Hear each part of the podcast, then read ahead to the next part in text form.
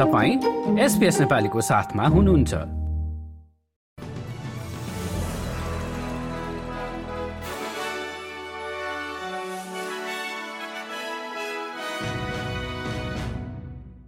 नमस्कार आज मंगलबार बीस फेब्रुअरी सन् दुई हजार चौबिस। अब पालो भएको छ एसपीएस नेपालीमा आजका प्रमुख अस्ट्रेलियन समाचारहरू सुन्ने र प्रसंग शुरू गरौं अस्ट्रेलियन नौसेनाबाट।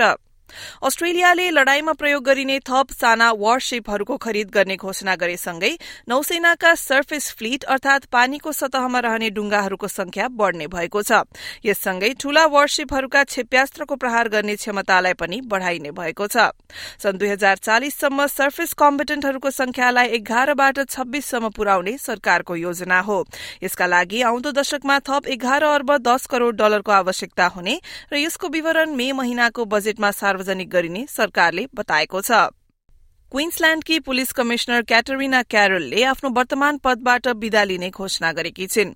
आफ्नो पाँच वर्षीय सम्झौताको म्याद नथप्ने भन्दै प्रहरी आयुक्तको रूपमा आफ्नो अन्तिम दिन मार्च एकमा हुने उनले बताएकी हुन्। बेपत्ता भएका र हत्या गरिएका फर्स्ट नेशन्स महिला र बालबालिकाको विषयमा संसदीय छानबिन जारी रहँदा क्वीन्सल्याण्डको डिरेक्टर अफ पब्लिक प्रोसिक्युशन्सको कार्यालयले थप सांस्कृतिक सचेतनाका लागि आफ्नो छुट्टै कार्यक्रम निर्माण गरिरहेको बताइएको छ। वेस्टर्न अस्ट्रेलियाकी ग्रीन्स सेनेटर डोरिन्डा कक्सको वकालतको सहायतामा सन् दुई हजार बाइसको अगस्तमा शुरू भएको उक्त सेनेट छानबिनको नतिजा आउँदो जून महिनामा आउने तोकिएको छ।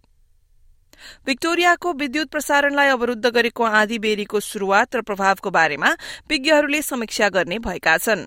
करिब पाँच लाख घरहरूलाई बिजुली बिना रहन बाध्य बनाएको गत मंगलबारको मौसमी अवस्थाको बारेमा स्वतन्त्र समीक्षा गर्न विक्टोरियाकी ऊर्जा मन्त्री लिली डियाम्ब्रोजियोले आदेश दिएकी हुन्।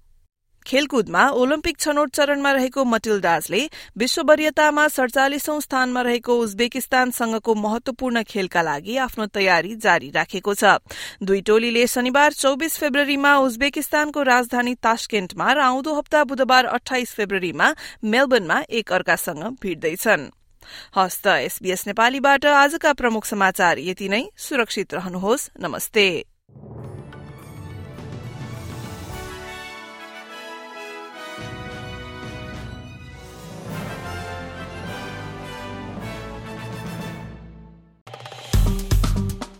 लाइक र कमेन्ट गर्नुहोस्। एसपिएस नेपालीलाई फेसबुकमा साथ दिनुहोस्।